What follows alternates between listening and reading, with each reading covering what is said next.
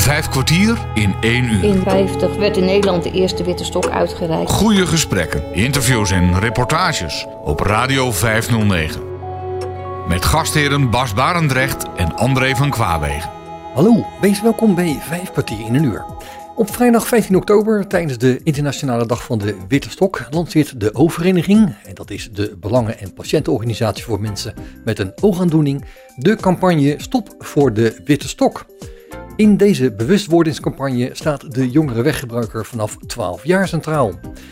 Uit onderzoek is gebleken dat 40% van de jongere weggebruikers onvoldoende bekend zijn met het oversteeksignaal.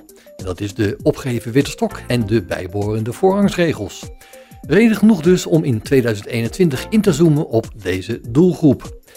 Deze vijf kwartier gaat daar straks uitgebreid op in met Annemarie de Hoogt. Maar eerst praat Bas met deze vrijwilliger van de Oogvereniging over de vereniging zelf en leer je haar beter kennen. Ik uh, ben Annemarie de Hoogt, ik ben 60 jaar. Ik woon in Schermenhorn en ik ben uh, sinds 10 jaar vrijwilliger voor de Oogvereniging, voorheen NVBS. En sinds 2018 voorzitter van, uh, van Noord-Holland. En ik hou me vooral bezig met, met voorlichting en belangenbehartiging. En voorzitter van Noord-Holland, dat is echt heel Noord-Holland? Heel Noord-Holland. Ja. Heb je het daar drukker mee gekregen? Ja, omdat je eigenlijk de, de, de positie van voorzitter is veranderd. Je bent op een andere manier uh, bezig met de vereniging. Veel meer coördineren van activiteiten, van de belangenbehartiging. Um, omdat we andere dingen doen, zoals met de gemeente, de gemeenteraadsverkiezingen. Uh, dus meer op de belangenbehartiging en, en de lokale uh, belangenbehartiging inspelen. Ben je op een andere manier veel intensiever met, uh, met dingen bezig. Wel veel interessanter. Ledencontact is ook heel belangrijk, maar belangenbehartiging vooral zorgen dat die inclusieve samenleving, de toegankelijkheid, dat het ook goed geregeld gaat worden. Vind ik ook heel belangrijk en ook heel dankbaar werk. Ja. Wat is er dankbaar aan? Dankbaar is als je ziet dat je dingen bereikt en dat dus mensen er echt dus ook profijt van hebben, dat dingen toegankelijk zijn, dat ze meer mee kunnen doen met de samenleving. En maar dat ook um, dat je als blinde of slechtziende niet meer van oh wat is dat een, een, een de hulpbehoevende stakker die niks kan en niks weet, dat dat er eindelijk eens afgaat. Hm. Want die mentaliteit die is er nog altijd? Die kom je toch nog wel een beetje te veel. De onwetendheid van vooral hulpverleners, van gemeenten. Van wat is het nou om blind of slechtziend te zijn? Wat kun je daar dan mee? Wat hebben die mensen dan nodig? Dat, uh, ja, daar is nog best wel veel werk in uh, om dat uh, goed, goed. De voorlichting daarover is nog wel heel belangrijk om te doen. Ja. ja. je zit in een bestuur, je bent, geeft leiding aan het bestuur. Hoeveel mensen heeft dat bestuur? We zijn nu met vijf kernteamleden. Kernteamleden? Kernteamleden, ja. ja, ja en, en die andere vier, wat doen die? Ik heb uh, twee, uh, twee kernteamleden op voorlichting, mobiliteit en toegankelijkheid. En de, en de penningmeester niet te vergeten. En, uh, en één persoon op, op DigiWijs, zeg maar, de, de digitale, digitale toegankelijkheid. maar eigenlijk houden alle, alle kernteamleden zich ook met alle toegankelijkheidskwesties in hun eigen omgeving bezig. En komen die allemaal een beetje uit de buurt of is dat verder weg? Uh, twee uit Amsterdam, één Horen en één in Schagen. Oké. Okay. En, en vergaderen je dan ook nog wel eens met elkaar of bij elkaar? Of? Um, Eén keer in het kwartaal in ieder geval uh, in Alkmaar. En gedurende de coronatijd dus heel veel uh, telefonisch. En dat telefonisch wil ik er wel een beetje inhouden, zodat je wat vaker onderling contact hebt. Maar zijn er bepaalde zaken, dan, uh, dan gaat dat via de mail en de WhatsApp ook prima hoor. Ja, ja.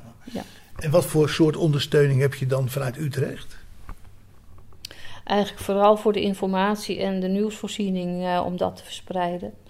En zijn er bepaalde zaken waar je wat meer van wil weten, zoals over de gemeenteraadsverkiezingen, over toegankelijkheid, meer de algemene richtlijnen die landelijk gelden daar, uh, daar kun je dan ondersteuning voor, uh, voor vinden in Utrecht. Ja, ja. Moet je vaak je neus laten zien in Utrecht? Hoeft niet meer. Ze kennen me inmiddels wel.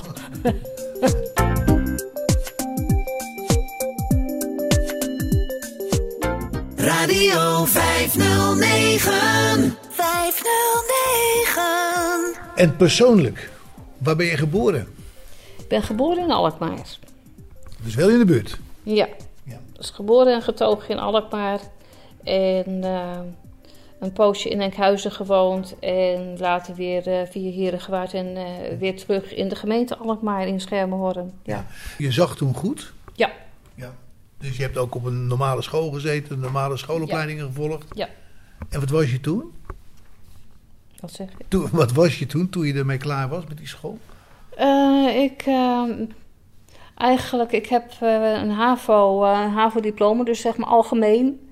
Dus ik heb niet echt een vakopleiding gehad. Ik wilde toen naar de, wat toen de tijd de Pedagogische Academie heette. Ja.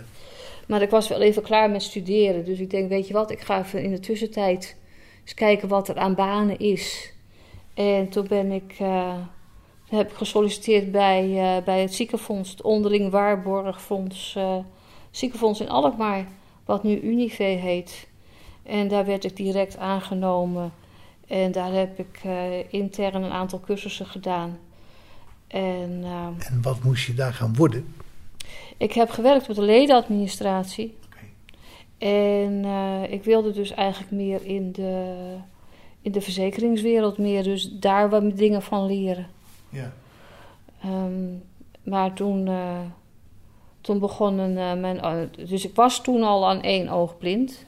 Dat wel. Blind of slechtziend? Aan één oog blind vanwege een mislukte staaroperatie... waardoor je dat oog helemaal kwijtraakte. En, eh, en later kreeg ik ook problemen, glaucoomproblemen met het andere oog. Waardoor je dus geleidelijk aan slechter ging zien. En toen vond, toen vond het ziekenfonds het eh, beter om eh, via de ziekte, eh, ziektewet de WHO maar in te sturen. Want dat was makkelijker dan te proberen om mij aan het werk te houden. In die tijd, in de jaren tachtig, ging dat zo. Ja. Ik denk dat het nu nog niet zoveel anders is. Nou, dat hoop ik wel, maar ja. En toen ben je dus thuis komen te zitten met je kindertjes. Ja, de kindertjes waren er toen nog niet, maar die. Ja, daar had je dan alle tijd en ruimte voor om je gezin in ieder geval te stichten. Maar eh, ja, ehm, eigenlijk. eh, en, en dat is ook mooi hoor, want uiteindelijk is dat natuurlijk ook prima. Maar het, het geeft toch een licht onvoldaan gevoel als je eigenlijk niet kan doen wat je eigenlijk had willen doen. Wat meer betaalde arbeid eh, verrichten dan dat je doet. Dus het vrijwilligerswerk heeft dus wel in een behoefte voorzien ehm, door nuttig bezig te zijn en maatschappelijk betrokken te zijn. Want dat, eh, dat heb ik toch altijd wel heel graag gewild. Ja, want heb je al zo gedaan? Ik heb, ehm, ik heb in mijn eigen buurt, dat ik in Herengewaard woonde, in het wijkpanel gezeten om, eh, om in de buurt eh, problemen op te lossen. En dus eigenlijk ook hetzelfde als wat ik nu doe op het punt van toegankelijkheid. eh, een een speelpleintje aanleggen voor de, voor de jeugd en zorgen dat de dingen goed en schoon en, eh, en veilig zijn in de buurt. Dat heb ik toen gedaan en daarna ben ik... eh, uh, ben ik naar een bijeenkomst van de NVBS gegaan. Om te, die vroeg om nieuwe vrijwilligers. En eigenlijk vooral uit nieuwsgierigheid van wat kunnen ze me dan bieden? Wat, wat zou ik dan kunnen bieden? En, ehm, en toen heb ik gesproken met de afdeling voorlichting. En eigenlijk sprak me dat wel heel erg aan. Om dus inderdaad dus anderen te vertellen wat het is om blind of slechtziend te zijn. Maar ook eh, andere blinden en slechtzienden uh, dingen te leren. Van hoe ga je nou met dingen om? Wat zijn er aan uh, hulpmiddelen? Dus eigenlijk tweeledig uh, sociaal-maatschappelijk bezig zijn. Dat vond ik toch wel heel interessant om te doen. Dus onder andere was de Dag van de Witte Stok natuurlijk ook een van de activiteiten die daarbij horen. Mm-hmm. Dus we hebben geleidelijk aan de Dag van de Witte Stok ontwikkeld tot, een, uh, tot iedere keer weer een nieuw en ander, uh, andere activiteit in verschillende gemeenten van, van de regio. Met verschillende invalshoeken en ook de lokale, um, lokale knelpunten belichten. Waar je dus ook de wethouder voor vraagt om, eh, om, een, uh, om een oversteek te maken. Dus eigenlijk van lieverlee ontwikkelen zich dingen. En ontwikkel jij je natuurlijk ook tot een allround um, vrijwilliger voor, uh, voor mensen met een visuele beperking. Ja, dus je voelt je wel op, op je plaats nu? Ik voel me bijzonder op mijn plaats, ja. ja. ja.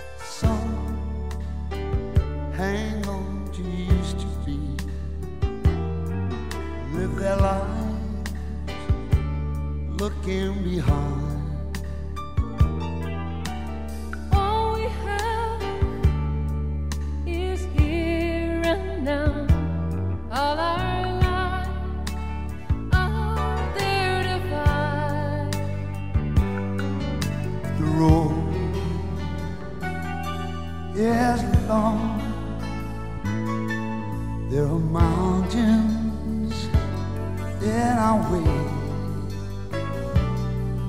but we climb a step every day. Love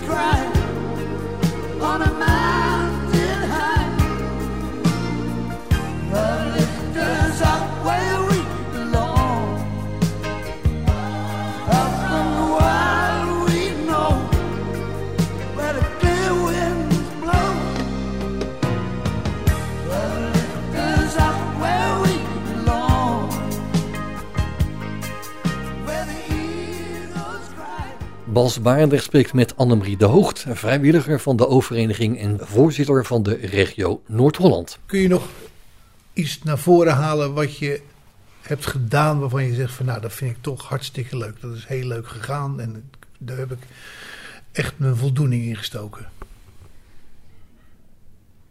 Nou ja, dat is dan misschien niet zozeer, dat heeft dan misschien niet zozeer met belangenbehartiging te maken, maar wij zijn uh, een paar jaar terug begonnen met eigenlijk vooral het ledencontact van uh, het organiseren van kerstdiners. Dus kijken van, vinden leden dat leuk? En eigenlijk is dat zo'n gigantisch succes. Waarbij je zoveel mensen een plezier doet. Waar je mensen samenbrengt. En, uh, en, en dus eigenlijk door een, een, een mooie maaltijd, maar vooral het samen zijn en samen delen eigenlijk een hele leuke, gezellige avond met elkaar beleefd. Ja, hoe tuig je dat dan op? Eh, door een restaurant te benaderen die groepen kan hebben. Dus groepen van tussen de 50 en de 60 mensen. En die vraag je om een keuzediner samen te stellen van het, eh, twee of drie voorgerecht, hoofdgerecht, nagerecht. Voor een bepaalde prijs. En, eh, en die dienen dan hun menus in. En dan kijk je van wat staat ons het beste aan, wat spreekt ons het beste aan. En ehm, ook het gesprek met het restaurant zelf. Staan ze er open voor? Hebben ze er zin in om jou te ontvangen? Vinden ze het leuk om voor een groep blinden en slechtzienden te zorgen dat de entourage goed is? Want wij hebben niks aan prachtig gedekte tafels met, eh, met eh, kaarsen op tafel. Wij hebben dan toch, hè, wij hebben dan ehm, wel verlichting, maar niet eh, open vuur aan tafel. Dus dat soort dingen. Dus als mensen daarvoor openstaan, dat is punt 1. En, ehm, en dan eh, en daarop stuur je de uitnodiging. En, eh, en dat blijkt altijd een, een bijzonder groot succes. Ja, Dus, je hebt hem al meerdere malen georganiseerd. Waar ben je al zo geweest? eh, we zijn in Horen, Schagen, Alkmaar en Haarlem geweest. En het laatste jaar en in Amsterdam. Ja, dus eigenlijk verschillende eh, gelegenheden zijn we geweest. Ehm, sinds we provincie zijn, doen we het op meerdere plekken in de provincie. Omdat je van iemand eh, in het gooi niet kunt verwachten dat hij naar Den Helder komt en andersom. Dus dat is dus, eh, dus weer nieuw. Dus iedere keer, ook dat ontwikkelt zich dus weer naarmate je groter groeit. En eh, je hebt dan een man of 50, 60 aan het eten. Ja. ja. En doe je er nog iets bij dan tijdens het eten? Of na het eten of voor het eten? Nee, eigenlijk niet. Ik hou meestal even een praatje van tevoren om iedereen welkom te heten. En, eh, en daarna weer even ter afsluiting. Maar het is vooral het samen zijn. Ja. En eh, daar hoef je eigenlijk niet zo. Ik ga meestal wel even de tafels langs. En eh, het onderling uitwisselen van contacten is ook altijd heel, eh, heel leuk. Het is vooral het informele, het samen zijn. En even ook, want dat is wel belangrijk, dat je even ook.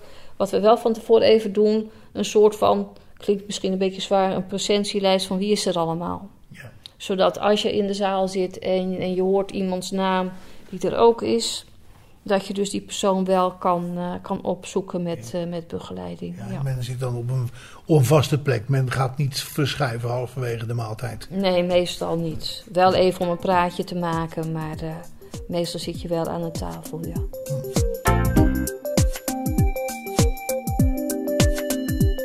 Vijf kwartier in één uur. De ontwikkeling van de witte stok. Dat is ook een interessante, denk ik. Vroeger had je alleen maar stokken met een, met een punt waarmee je tikte. Maar tegenwoordig heb je ook met, met rollers en zo, hè? Ja. Ja, er is natuurlijk nu een veelvoud aan stokken en eh, ehm, ook sommige met, de- met elektrodica die dus ook eens een, een navigatie eh, ingebouwd hebben. Op je telefoon. Ja. Ehm, maar ook, je hebt nu zoveel, tenminste dat is mijn persoonlijke ervaring, je hebt nou zoveel verschillen in stokken dat je, dat je eigenlijk een hulpmiddelenleverancier moet, eh, moet vragen in een oogcafé, kom eens laten zien wat je aan, aan verschillende stokken hebt, om daar nog een fatsoenlijke keuze uit te kunnen maken. Ja. Want elke stok heeft weer zo zijn eigen, of de verschillende punten hebben zo weer zijn eigen voor- en zijn nadelen. Want ik heb, eh, onlangs hebben we een, eh, een, een rollerwiel eh, uitgeprobeerd. Dat zijn wieltjes die ook voor de, voor de, ehm, de banden van, de, van, vlieg, eh, van vliegmaatschappijen waar je de bagagebanden gebruikt worden. Dat soort wieltjes. Die dus eigenlijk op een andere manier dus eigenlijk weer contact maken met, eh, met je omgeving. En dus ook weer een andere manier eh, van voortbewegen heeft eigenlijk. Dus je volgt je geleidelijn en eh, ehm, ja, omdat eh, dat zijn kleine wieltjes die dus van links naar rechts zwenken. Dus je hebt dus meer zwenkvermogen dus dan weer. Dus weer wat anders dan zo'n rolpunt dan natuurlijk weer. Bevalt het je, dat soort wieltjes? Deze moet ik nog uitproberen. Ik vind, ik vind wel de rolpunt vind ik al een verbetering. Tenminste, maar dat is mijn persoonlijke ervaring. Ja. Dat vind ik zelf prettiger. Ja. Maar dat is voor ieder persoonlijk. En op welk moment heb jij stoklopen geleerd? Want dat moet je ook leren, hè? Ehm, eigenlijk al vrij snel dat ik slechtziend werd. En dat was nog gewoon zo'n lange, eh, zo'n lange sprietstok. Ja. Zo'n echt een tikstok. Ja. Eh, dat was in 1986, denk ik ongeveer, begin jaren 80. En dat was ook heel raar en onwennig van hoe werkt dat nou? En wat vind je dan?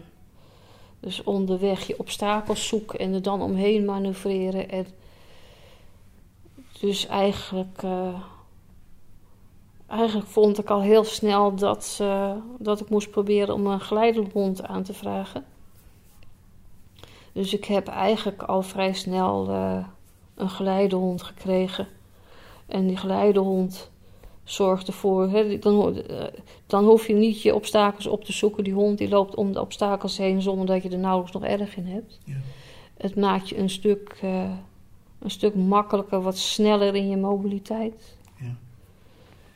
Dus jij eh, hecht sterk aan een hond. Ja. ja, maar dat is natuurlijk ook voor iedereen persoonlijk. Dat ik hier kwam wonen was mijn derde geleidehond net ingeslapen. Dus eh, dan moet je hier natuurlijk in je nieuwe woonomgeving alles leren. Dus dan begin je inderdaad weer met je gewone tasstok om je omgeving te verkennen. En dat kost best wel heel veel tijd en energie. En dan merk je dus ook wel dat je zo lang al geen, eh, geen stokgebruiker meer bent. Ja. Dat dat best wel weer heel ingewikkeld is. Ja, daar heb je erg aan moeten wennen, denk ik. Ja. Ja. ja. En hoe lang duurde het voordat je een nieuwe hond kreeg? Ehm, daar heb ik eh, al met al ruim een jaar op gewacht nog. Ja. Ja. ja. Dat is best lang. Dat is heel lang, ja. Ja. Ja, ja dat, is, wel- dat is wel jammer. Maar ja, soms, eh, soms lopen de dingen nu eenmaal. En je hebt er wel wat voor gekregen, moet ik zeggen. Ja.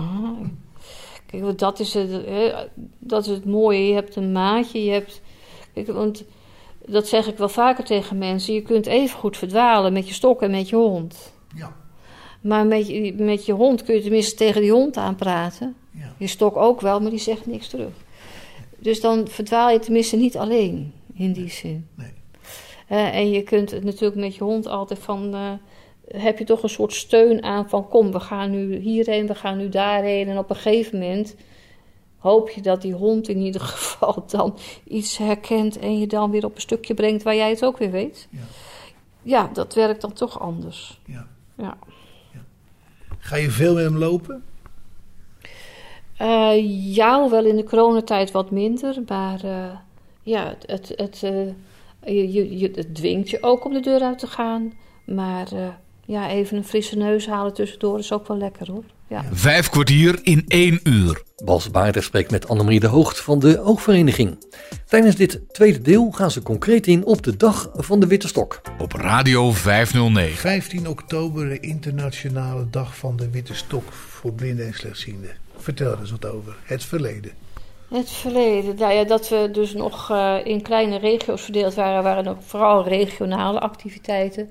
Dus alle regio's waren vrij en autonoom om, eh, om een activiteit te organiseren. En eigenlijk wist je in die tijd ook niet van elkaar binnen het NVBS wat men deed. Dat regelde je zelf, dus je had eigenlijk ook geen idee wat de buurman deed. Dus je keek eigenlijk naar je eigen situatie van wat speelt er, wat leeft er en hoe gaan wij dus en waar gaan wij dus eh, wat, eh, wat organiseren om, eh, om, de, om de veiligheid, de verkeersveiligheid van blinden en slechtzienden te vergroten. En dat zal altijd dus ook wel een doel blijven. Maar waar komt die dag eigenlijk vandaan? De dag komt, eh, komt volgens mij, de eerste dag is volgens mij in de jaren 60 geweest in Amerika. Eh, oorspronkelijk de stok is ontwikkeld in, eh, in Frankrijk. In 1931 werd de eerste stok uitgereikt door een, door een, door een gravin, heb ik me laten vertellen. Die het eigenlijk, hè, de, verkeerssituatie voor, uh, voor oorlogsveteranen uit de Eerste Wereldoorlog die blind waren geworden door de gasaanvallen gevaarlijk vond in het drukke Parijs. En de verkeerspolitie die, uh, die hanteerde voor het regelen van, de, van het verkeer een witte stok. Dus vandaar de witte stok. Ja, daar is de uh, onze ook uit ontstaan, hè? Daar is de onze ook uit ontstaan. Dus die witte stok die gaf dus de blinde, slechtziende oorlogsveteraan en de andere blinden in Parijs dus voorrang in het verkeer. En, en dat is uitgebreid naar België en Nederland. In de jaren 50 werd werd in Nederland de eerste witte stok uitgereikt. De rode bandjes zijn later gekomen voor de herkenbaarheid. Niet voor onze herkenbaarheid, maar wel voor de herkenbaarheid voor het overige verkeer. Opdat men toch dan met alleen de witte stok niet goed begreep dat het een oversteeksignaal was waar je voor moest, uh, moest stoppen. Dus zo is het eigenlijk het, het ontstaan van, van de witte stok. Ja. En toen hebben een aantal partijen gevonden dat er een, een moment moest zijn per jaar waarop aan die stok extra aandacht zou worden geschonken om de bekendheid te bevorderen. Ja, ik denk dat net als dat je dus, dus al die andere dagen hebt waar je speciaal dus aandacht voor een bepaald doel uh, hebt, denk ik dat het, uh, dat het goed is om dat inderdaad jaarlijks één dag, in dit geval dan 15 oktober, stil te staan bij wat het is om blind of slechtziend te zijn en deel te nemen in het verkeer. Ja. Ik denk dat dat een goed eikpunt is om daar ieder jaar uh, grootscheeps aandacht aan te besteden.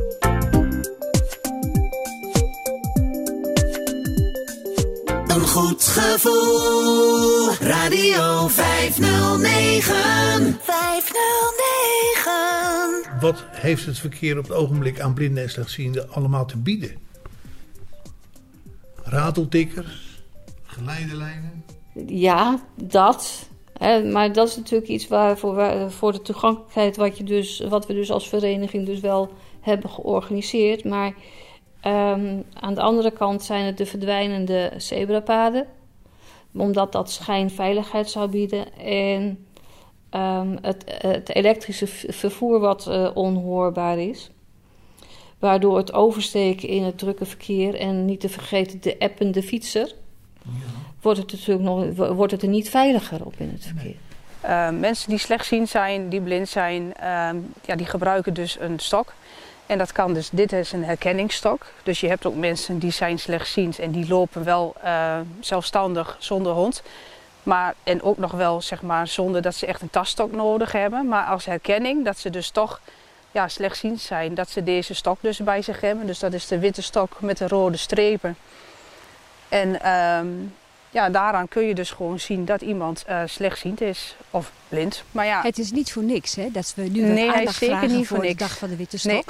Want um, ik heb gelezen dat heel veel mensen nog niet zo goed de regels kennen. Als jullie willen oversteken, dan probeer je een eigen zebra te maken. Hè? Je houdt ja. je stok omhoog. Ja, nou ja, je houdt hem niet gelijk omhoog. Als ik dus uh, over wil steken en hier voor mij is dan uh, de straat, dan zet ik de stok zo recht zo op straat. En dat is dus eigenlijk al een teken voor, ja, voor alles verkeer, uh, fietsers, auto's, nou ja, alles eigenlijk. Dat ze dus moeten stoppen, omdat ik dan eigenlijk op deze manier duidelijk aangeef van hé, hey, ik wil oversteken. Um, ik gebruik dan nu uh, in dit geval mijn restvisus. Maar mensen die helemaal niks zien, die hebben dat dus niet. Dus die doen het echt op gehoor. Totdat hun denken van, nou, nu kan ik veilig oversteken. En ik kan er nog een beetje zo kijken. En als ik denk van, nou, het is veilig. Dan draai ik hem zo naar voren. En dan wacht ik twee seconden en dan ga ik lopen.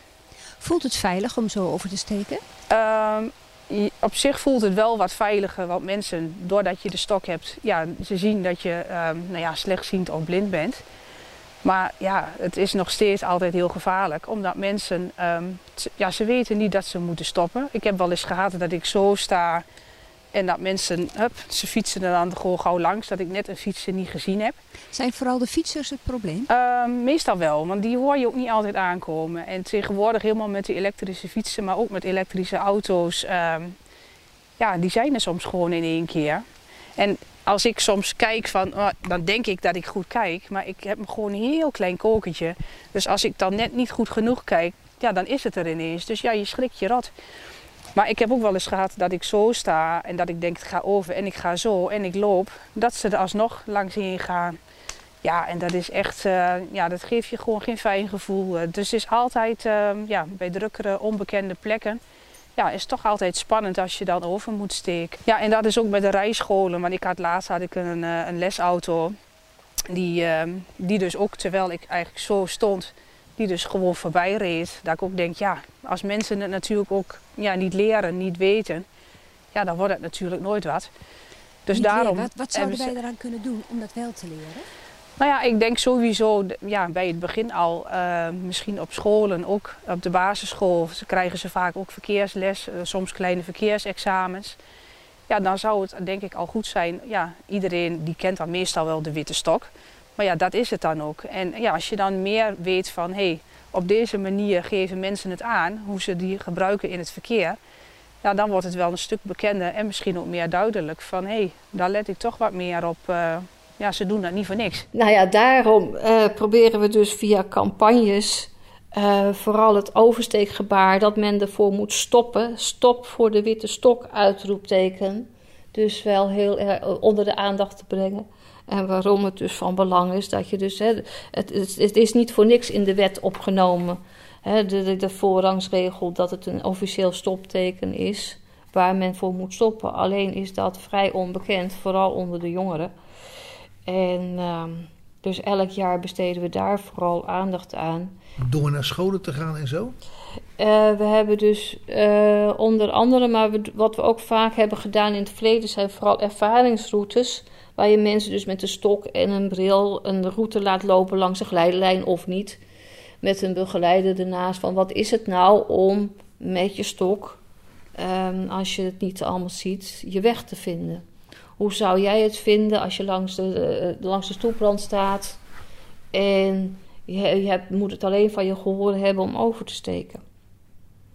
Uh, dus dus uh, eigenlijk de mensen laten ervaren van eigenlijk je eigen gedrag laten ervaren van hoe zou jij het vinden als iemand je zo voorbij komt als jij dus staat te wachten om te kunnen oversteken. Ik denk dat dat eigenlijk ook de beste methode is. Wat we dit jaar hebben gedaan, we hebben dit jaar alle onderwijsinstellingen voortgezet onderwijs benaderd met informatiemateriaal, een digitale poster, waarmee ze een lesprogramma kunnen samenstellen om aandacht te besteden voor waarom is het zo belangrijk om te stoppen voor de witte stok. Dus de campagne heet Stop voor de witte stok.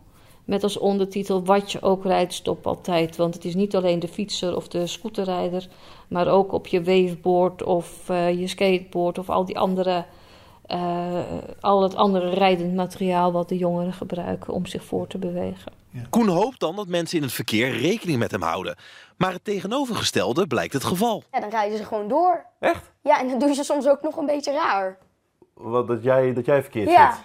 Wat vind je ervan? Ja, dat vind ik niet echt, ja, niet echt aardig van die mensen. Terwijl ik er eigenlijk niks aan kan doen. Zij kunnen er wat aan doen. Bij een druk kruispunt iets verderop laat Koen zien wat hij vaak meemaakt. En dit, uh, dit mag dus niet? Nee. Wat dan? Dan zouden ze een boete moeten kunnen krijgen. Ja, want even voor de duidelijkheid: een auto of fietser is verplicht te stoppen voor een blinde of slechtziende met een witte stok als hij wil oversteken. Ik geef nu al aan dat ik wil gaan oversteken. Ja, die man zag het ook, maar uh, hij doet er niks mee. Het gebeurt eigenlijk gewoon. Wat vind je ervan? Ja, niet echt uh, handig en ook niet aardig. Nee. En je brengt dat dan bij scholen. Op de, op de 15e gaan jullie dan ook naar scholen toe? We gaan. Uh, um, we hebben dus in ons, onze brief uitgenodigd, of, de scholen uitgenodigd om een gastles aan te vragen. Uh, omdat, je nu, omdat nu in die coronatijd het voor sommige scholen nog wel of niet doenbaar is om dat te organiseren. Niet elke school wil dat. Maar er zijn wel al een aantal scholen die dat wel hebben aangevraagd. Um, hier in Noord-Holland in ieder geval in Horen, een, een Horizon College. En de 15e ga ik zelf naar het uh, Weer een Frieders in Horen, waar de stadsdichter is uitgenodigd. En dan uh, overhandig ik hem de poster. En dan spreekt hij de leerlingen toe. En om duidelijk te maken waarom het belangrijk is om te stoppen voor de opgeheven witte stok. Dus je blijft eigenlijk steeds hetzelfde thema herhalen. Want ja, dit zijn dus, de jongeren zijn toch wel de bestuurders van nu en van in de toekomst. Dus het is wel belangrijk om dan steeds weer opnieuw te herhalen waarom het van belang is.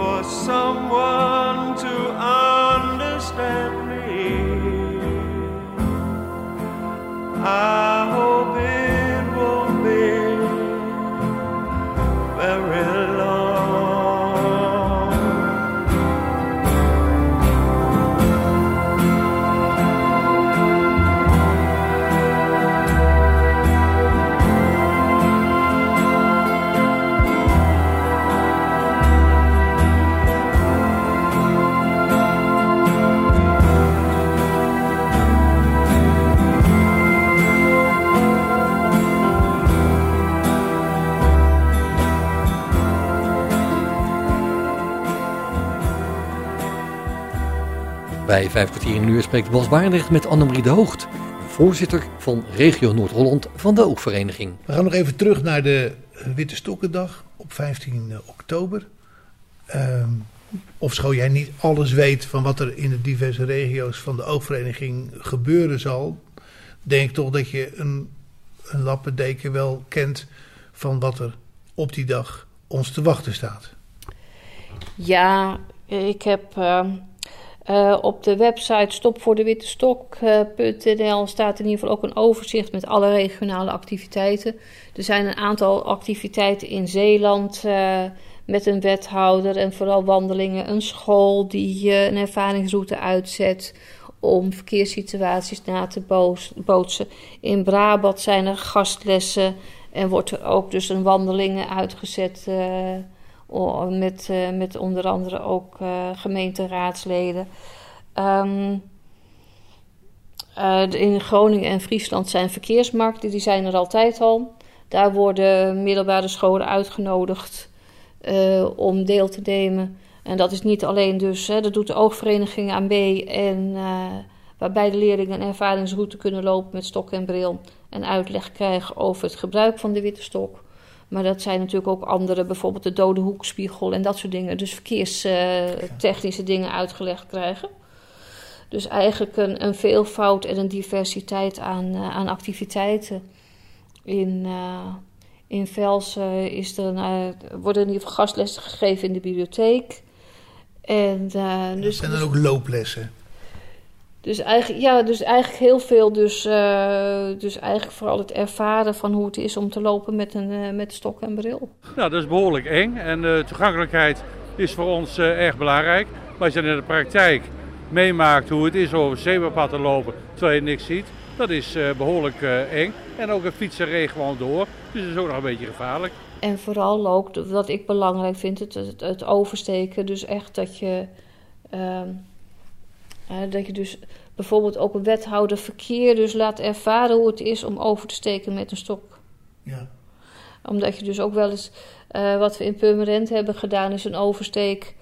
Uh, dat was dan zonder zebrapad, maar ook zonder uh, wel een middenberm. Maar die middenberm was op geen enkele manier gemarkeerd.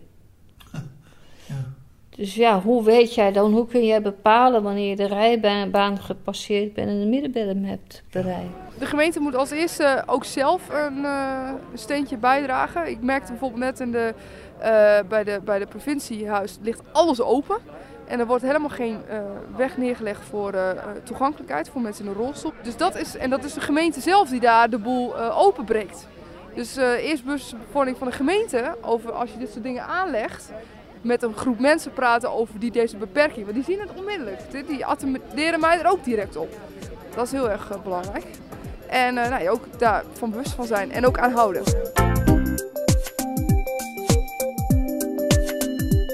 Volgens de Breuken kan de gemeente meer doen om dit probleem te verkleinen. Oversteekplaatsen maken in de vorm van uh, zebras en ook bijdragen aan een algemene bewustwording. Ik denk ook zorgen dat dat er volop uh, parkeergelegenheid is voor fietsen. Want dat uh, ervaar ik ook uh, regelmatig, dat ik dan een zebrapad oversteek. En dat ik dan aan de overkant in een zee van, of ik moet zeggen eigenlijk in een muur van fiets terechtkom. Omdat er eigenlijk ook te weinig parkeerplaatsen zijn voor fietsen. Als je nou zo'n klusje aan een wethouder hebt gegeven en die steekt over en hij ontdekt ook dingen die absoluut eigenlijk niet kunnen. Is dan jouw ervaring dat je dan door bemiddeling van die wethouder toch uiteindelijk tot het resultaat komt? Meestal wel, omdat die wethouder dan zelf wel begrijpt van ja, dit kan ook zo niet. Ja, dat, uh, dat, kan, dat gaat zo niet goed. En het is natuurlijk, kijk, als jij het ziet, is het geen probleem. Maar omdat ze zelf daar eigenlijk ook geen idee van hebben, is het goed om het op die manier, op een bijzonder vriendelijke manier duidelijk te maken van waarom het dus problemen oplevert. Ja. En dat werkt meestal wel goed, omdat je dan uitleg geeft van: ja, maar luister eens, wij ervaren dit probleem. En als je het nou uitprobeert, hoe dan ervaart die persoon het zelf van hoe dat dan gaat. En ik denk dat dat heel belangrijk is, omdat dat dan duidelijk wordt van: oh ja, nee, zo werkt dat toch niet helemaal. Vijf kwartier in één uur. Heb je veel contacten met wethouders in de omgeving? Niet heel veel, maar uh, ik denk dat dat wel steeds meer wordt. Omdat je, ik vind het belangrijk om contact te hebben met de wethouders. Omdat zij nemen uiteindelijk de beslissing over dingen. En uh, wat ik uh, bijvoorbeeld uh, ook herinrichting van buurten, zoals uh, stationsomgevingen zoals in Heerdegewaard gaat gebeuren en in Alkmaar ook, uh, vind ik het belangrijk om van tevoren contact te hebben met de gemeente over de herinrichting. Zodat je van tevoren al kunt aangeven van we willen graag een stukje geleidelijn bij de oversteek. We willen graag rateltikkers. We willen daar dus iets waardoor je dus zeker weet waar je bent, oriëntatiepunten. Zodat je niet achteraf komt, ja, maar. Want dan wordt het ingewikkelder. Ja. Dus en vooraf, ja, dus we willen graag vooraf betrokken worden van wat is nou de juiste methode, waardoor. Want in Heerdegewaard staat Visio, die staat vlakbij het station. Dus daar komen veel revalidatieklanten. Nu komt, wordt er een tunnel aangelegd onder het spoor door. Maar hoe zorg je dan dat Visio het makkelijkst en eenvoudigst bereikbaar blijft? Dus ja, dan is het fijn als je van tevoren in gesprek bent met de gemeente. En hoe je dat dan oplost.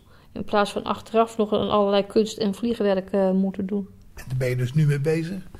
Nou ja, dat ligt nu al een poosje stil vanwege corona. Maar uh, ja, zodra dat weer wordt opgepakt. Uh, die plannen lagen er al wel. Dus voor een groot deel gaan we ervan uit dat ze intact zijn gebleven.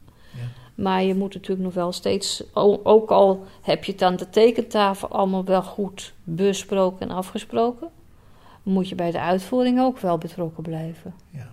Omdat dan nog wel eens dingen willen verdwijnen van, nou, we hebben nou geen geld hiervoor, dus dat doen we toch maar niet. Ja, ja dat is wel belangrijk. En hoe kom je daaraan? Hoe weet je dat dat soort projecten er zijn? In Heerdegewaard bij toeval, omdat het in de krant stond. Dus het is wel eens, uh, waar je naartoe wil, is eigenlijk dat de gemeente jou eigenlijk als vereniging al inzijnt wat ze van plan zijn. Dat is de ideale wereld. Ja. zo is die, het niet. Nee, zo, zo, zo werkt het nog niet. Maar je hoopt ook een beetje op de leden die in de bepaalde gemeente wonen. Van, zijn er dingen die spelen? Vang je iets op? Laat het dan weten. Ja. het is helaas wel vaak zo dat je ja, dat je vaak achteraf geïnformeerd wordt. Maar uh, ja, daarom is het belangrijk dat we uh, als vereniging ons profileren naar de gemeente toe. Dat we er zijn als gesprekspartner voor toegankelijkheid en mobiliteitskwesties. En men accepteert dat ook wel? De meeste wel, ja hoor. Ja. ja. Ja, en ik denk dat we dus, omdat we nu met het VN-verdrag ook de wind mee hebben. En wat houdt het VN-verdrag in? Uh, is eigenlijk dat de toegankelijkheid, hè, dat... Uh, uh, voor de VN-verdrag voor de rechten van de mensen met een beperking. Dat dus uh, in dat verdrag geregeld is dat obstakels moeten worden weggenomen. Dus gemeenten worden daarin eigenlijk verplicht om obstakels op het gebied van mobiliteit en toegankelijkheid weg te nemen. Dus met dat in de hand is een gemeente al veel meer, zijn veel meer al gericht op het toegankelijk willen zijn. Ja. Er is een hele lange weg te gaan hoor, daar niet van, maar ja, op zich zijn gemeenten wel veel meer bereid om te luisteren. Ja. ja. En dat komt ook door WMO-adviesraden en zo? Ook. Dus, eh, dus ik denk dat dat ook wel een heel belangrijk orgaan is. Uh, waar je dus uh, met de gemeente in gesprek gaat over dingen. Uh, in de gemeente Schaag is nu het inclusieakkoord getekend met het gehandicaptenplatform. Waar dus uh, het kernteamlid uit Schagen dus daar de voorzitter van is. Omdat je dus met de gemeente en een wethouder die dus, uh, dus zich in staat is zich in te leven in wat, het, uh, wat, onze, wat iemand met een beperking nodig heeft. Dus niet alleen iemand die blind of slechtziend is, maar ook iemand in een rolstoel. Omdat hij zelf in een rolstoel is gaan zitten en is ervaren heeft om hoe is dat dan als ik me in een rolstoel moet voortbewegen? Ja, hoe lekker het is. Ja, van je kunt wel een gehandicapte parkeerplaats hebben, maar als je eruit moet stappen en het is te krap, dan kom je nog nooit met je rolstoel uit. Ja. ja. ja. Dus ik denk dat dat alleen maar heel goed is. Ja. Want het is vaak geen onwil, maar heel veel nog onkunde en onervarenheid. Ja. Dus op papier kan het er prachtig uitzien, maar in de praktijk, want de geleidelijn aanleggen kunnen wij ook wel. Ja. Maar dat wil niet zeggen dat hij ook ergens naartoe gaat of nuttig is. Maar dan ligt hij er tenminste wel. Ja, ja, ja, ja. Je hebt nog eh, heel wat te doen, denk ik. Ja hoor. Dus voorlopig, uh, voorlopig hebben we werk genoeg. Maar um, ik denk dat dat ook op zich... Uh, het is goed om bezig te zijn. Het is goed om de belangenbehartiging. Um, er blijft altijd wel werk. En zeker nu ook in het algemene verkeersbeeld met elektrische voertuigen. Je moet dan weer zorgen dat ook dat weer toegankelijk is, zodat ze hoorbaar zijn. Zodat wij natuurlijk ook, want we willen wel meedoen in de samenleving. Maar dan moet je natuurlijk ook van A naar B kunnen komen. Ja. En wel op een, een zo makkelijk mogelijke manier. Dus dit is eigenlijk het tweede jaar dat we de campagne Internationale Dag van de Witte Stok landelijk doen. Dus met, in samenwerking met het verenigingsbureau van de oogvereniging. Zoals gezegd hadden we natuurlijk voorheen altijd vooral regionale activiteiten door de regio zelf georganiseerd. Uh, wel met ondersteuning van het verenigingsbureau, maar niet zozeer uh, in samenwerking met. Vorig jaar hebben we voor het eerst vanwege corona uh, het landelijk opgezet in samenwerking met de Fietsersbond. En omdat we eigenlijk de fietsers centraal stelden en de fietser in Noord-Holland is dezelfde fietser als in Limburg rijdt. dus ook de problematiek is hetzelfde. De, door, de, de fietser die doorrijdt ondanks de opgeheven stok. Dus in die zin waarom zou je het niet landelijk doen? En dat hebben we nu dus doorgetrokken door nu dus uh, de doelgroep jongeren te betrekken, de jongeren vanaf 12 jaar. Omdat zij eigenlijk vanuit het onderzoek dat we vorig jaar hebben gedaan, het minst weten over de opgeheven witte stok, het oversteekgebaar. Uh, dat ze dus eigenlijk verplicht zijn om te stoppen voor de opgeheven witte stok. Dus van daaruit eigenlijk hebben we dus via Duo alle onderwijsinstellingen weten te benaderen. Met ons informatiemateriaal in, um, en een animatiefilmpje gemaakt. Er komen dus via. De, op 15 oktober wordt de campagne gelanceerd. En dan komen er via Instagram en TikTok zogeheten carousels met berichtgeving. Uh, speciaal voor de, voor de jongeren die dus veel van deze kanalen gebruik maken. Dus ik denk dat ik ben zeer benieuwd hoe dat dan gaat werken eigenlijk. Maar dat wordt aangestuurd via Utrecht? Dat wordt aangestuurd via Utrecht. Daar wil ik me ook niet mee bemoeien, eerlijk gezegd. Dat zijn dingen buiten mijn bereik, omdat je dat niet ziet. Is dat voor ons zijn dat toch social media kanalen waar wij niet zoveel uh, persoonlijke boodschappen aan hebben. Maar waar je dus wel dus inderdaad een stukje marketing voor nodig hebt om dat, om dat dus werkbaar te maken. Het kan ook heel veel opleveren. Dat hoop ik wel, ja. ja. ja. En van daaruit gaan we wel kijken wat we dan volgend jaar weer doen. En de Dag van de Witte Stok vindt komende vrijdag 15 oktober plaats. Je hoorde daar zojuist Annemarie de Hoogt over. Neem voor meer informatie eens een kijkje op de website Stop voor de Witte Stok. Ik bedank je namens Bas Barendrecht voor het luisteren en heb je vragen of opmerkingen of wil je zelf eens aan het woord komen of ken je iemand die je graag aan het woord wil laten komen, dan kan je een mailtje sturen naar bas.radio509.nl. Dit programma is overigens ook weer te beluisteren via de podcast van Radio 509. Geniet van de rest van deze dag, blijf luisteren naar Radio 509 en tot een volgende keer. Vijf kwartier in één uur is een programma van Bas Barendrecht. Techniek André van Kwaabegen.